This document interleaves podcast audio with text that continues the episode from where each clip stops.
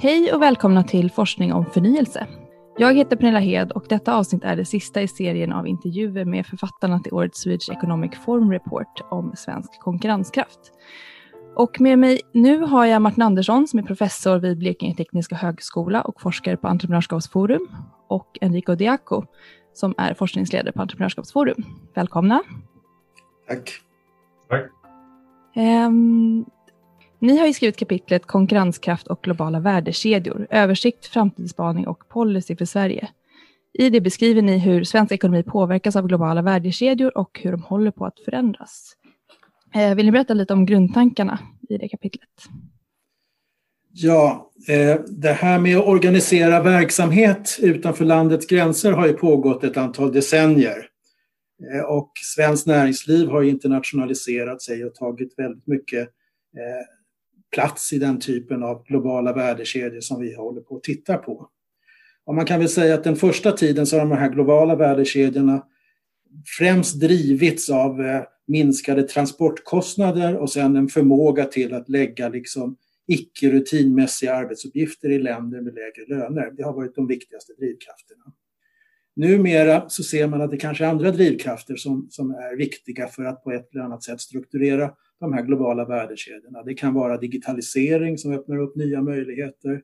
Det kan vara miljöfrågor som gör att man kanske måste omorganisera värdekedjorna. Det kan vara tullar eh, och andra saker eh, som kan påverka det här. Och det är liksom där vårt intresse började. Vad är de här drivkrafterna och hur kan de komma påverka värdekedjornas utveckling och hur står Sverige? Är Sverige redo? Är Sverige bra positionerade i de här värdekedjorna? Det har varit syftet med vårt kapitel. Eh, man kan ju tillägga också det att eh, allt det här som Enrico tog upp med olika handelshinder och digitalisering och så vidare.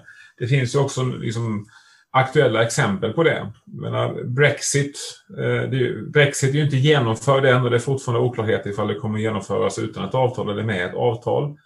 Men det har ju redan gett effekter eh, på värdekedjorna. Vi kan läsa i, i eh, affärspressen, eller affärstidningar, redan nu att till exempel Nissan valde att producera sina bilar som ska levereras till Europa i Japan. Eh, jag har läst någonstans att Honda förmodligen kommer att också att göra ett liknande val.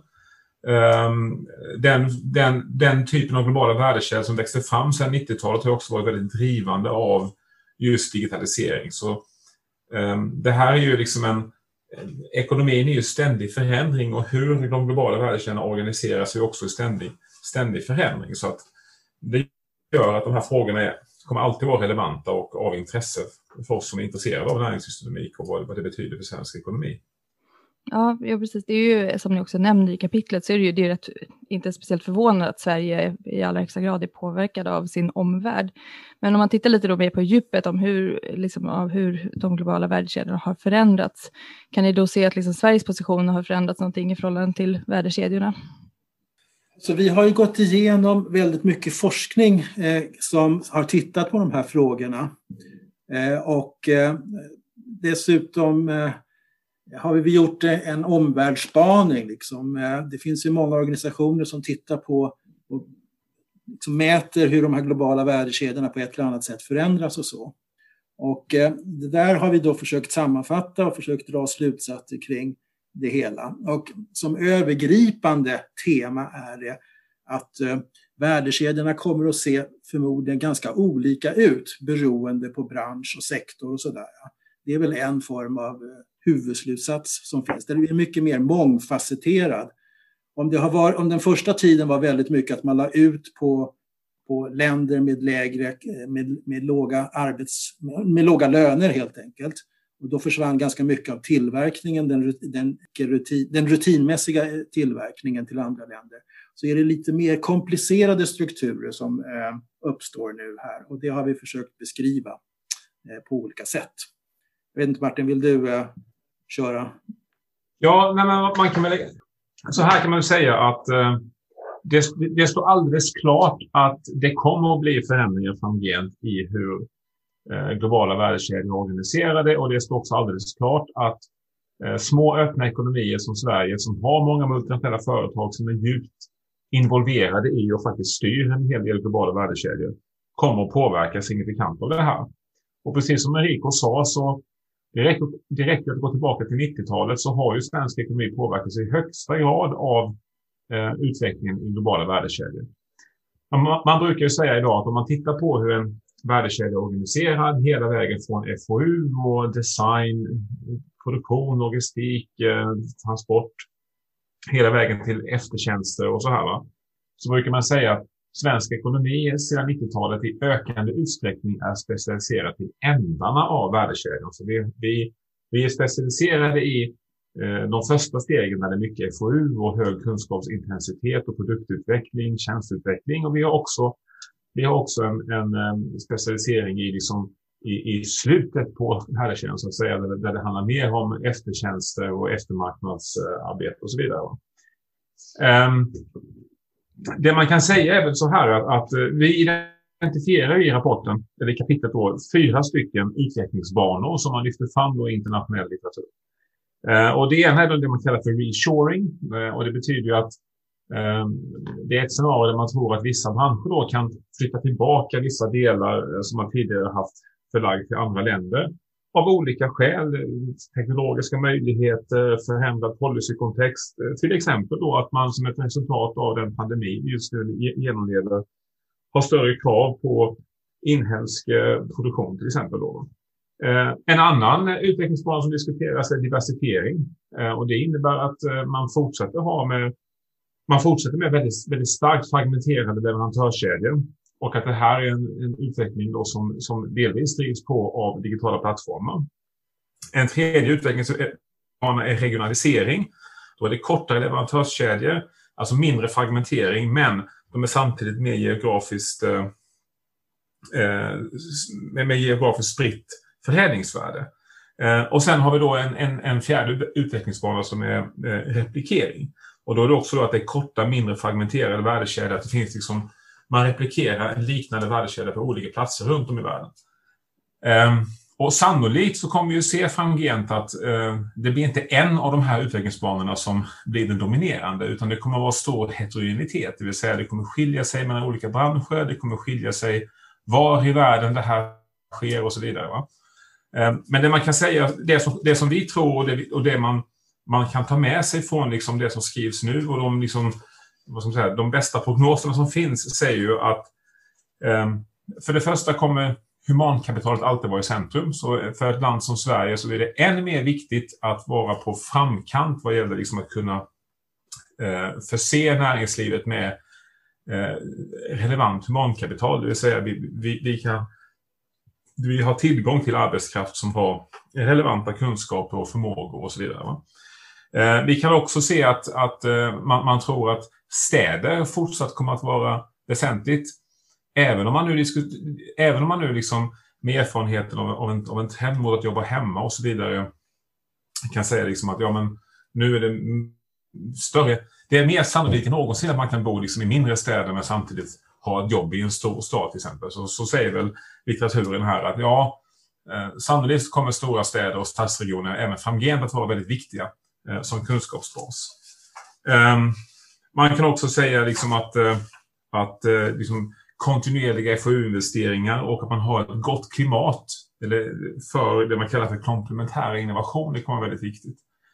Ehm, näringslivet kommer alltid behöva ha möjlighet att experimentera med ny, med ny teknik, prova olika implementeringar, ehm, prova, testa nya tjänster, testa nya tekniker, teknologier och så vidare. Ehm, och de här, det här kommer sannolikt att tillta i betydelse för, för ett land som Sverige. Jag vet inte om du, det var ett långt svar hör jag, men vill du lägga till någonting Enrico? Jag skulle vilja göra tillägget väldigt mycket av diskussionen, den politiska diskussionen har varit att nu finns det en möjlighet att ta hem så att säga tillverkning eh, till olika länder och sådär. Att det blir inte lika fragmenterat. Det som man brukar kalla då reshoring och sådär. Och det har funnits liksom en politisk vilja att göra detta. Det är bra liksom eh, av olika skäl. Men jag tror den stora behållningen av vår genomgång av litteraturen är som Martin säger att det finns väldigt många olika utvecklingsbanor. Reshoring kan vara en. Men hittills när man tittar på den statistik som finns på reshoring så är det inte särdeles mycket faktiskt. Alltså. Eh, jag läste just bara igår faktiskt en artikel i The Economist i tysk ekonomi så har ungefär mellan 2010 och 2012 har ungefär 2% av verksamheten reshorats tillbaks till Tyskland. Men antalet som har flyttat ut är nästan fyra gånger högre och. Så att det är inte slut med globala värdekedjor utan de ser, de ser helt enkelt annorlunda ut i framtiden. Mycket mer diversifierat. Och där har mm. Sverige en fin position. Därför att vi är starka, som Martin säger, i ändarna. Vi är starka på olika typer av företagstjänster. Och det är väl kanske den minsta gemensamma nämnaren också i alla de här globala värdekedjorna. Företagstjänster. IT-tjänster av olika slag är det är där man ska vara. Det här gynnar oss, den här utvecklingen. Jag kan lägga till en sak också. Jag tror precis som Enrico säger, så vill jag bara lägga till också det att det man kan se nu och det som har skapat en del uppmärksamhet i internationell media. Som man tar Storbritannien som exempel.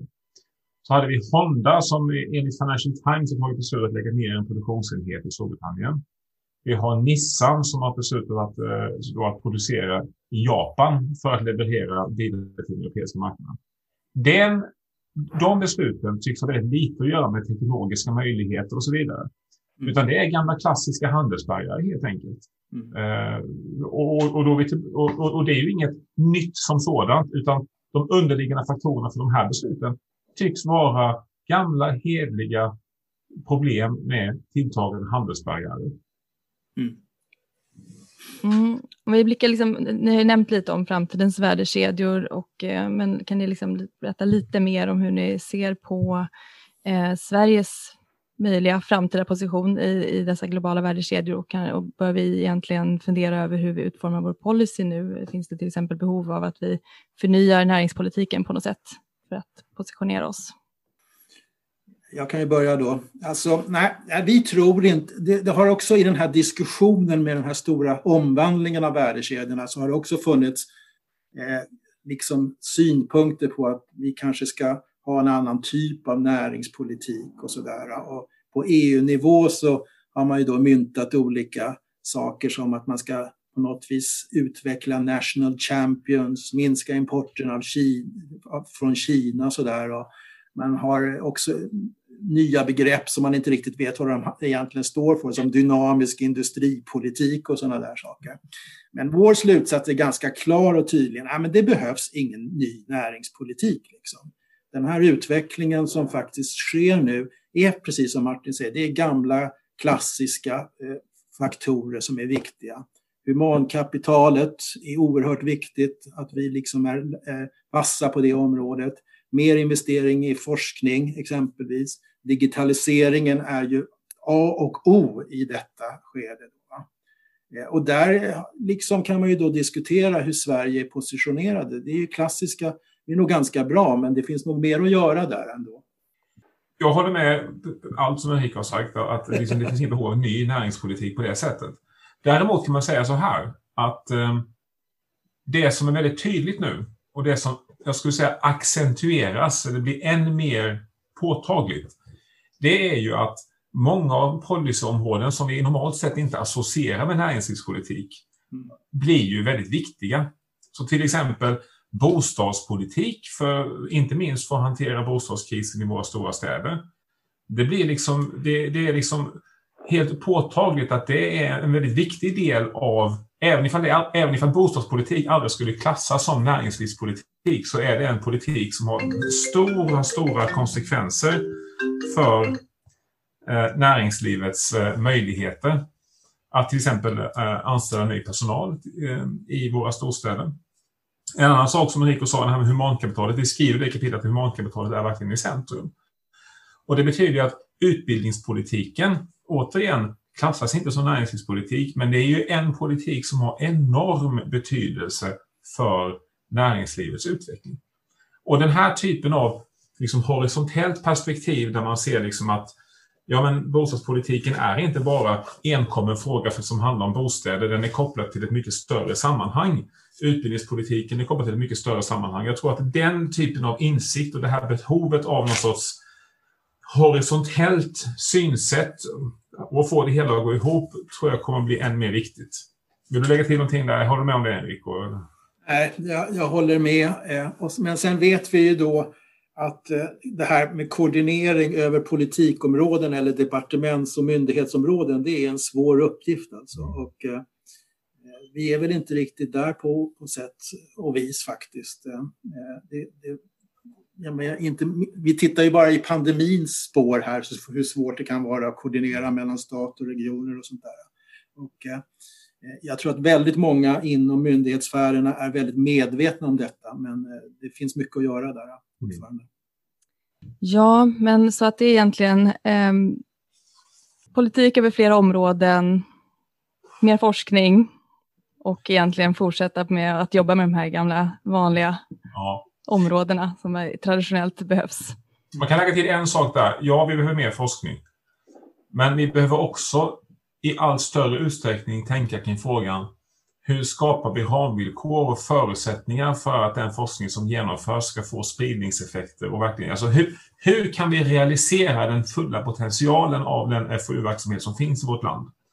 Den typen av frågor tycker jag det fortfarande diskuteras för lite. Utan, utan det, det, blir väldigt, det, blir, det blir väldigt lätt en, en, diskussion om kvantitet. Hur mycket forskning har vi? Mm. Hur många procent av svensk BNP investerar det privata näringslivet i FoU? Mm. Um, och det är självklart relevant och det är väldigt bra att ligga högt på alla de här listorna.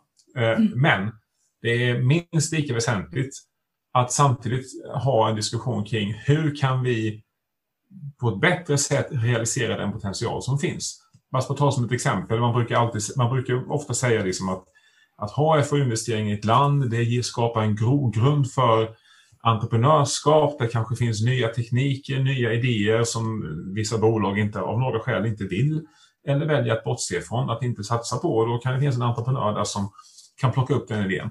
Hur kan vi få den här typen av dynamik att fungera bättre? Hur kan vi liksom realisera den potential som finns? Den typen av frågor eh, vill jag bara skicka in att den är viktig. Så det handlar inte bara om mer FoU, utan det handlar också om att skapa förutsättningar och ha en miljö som kan liksom ge den här typen av spridningseffekter som vi alla vill åt. Ja, precis. Och ramvillkoren och sånt är ju en, en fråga som tas upp eh, brett i, i den här rapporten då, som finns att ladda ner på vår hemsida.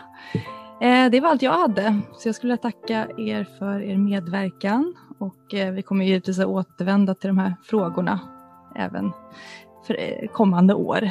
Så tack så mycket för att ni har lyssnat och tack Enrico och Martin. Tack. Tack.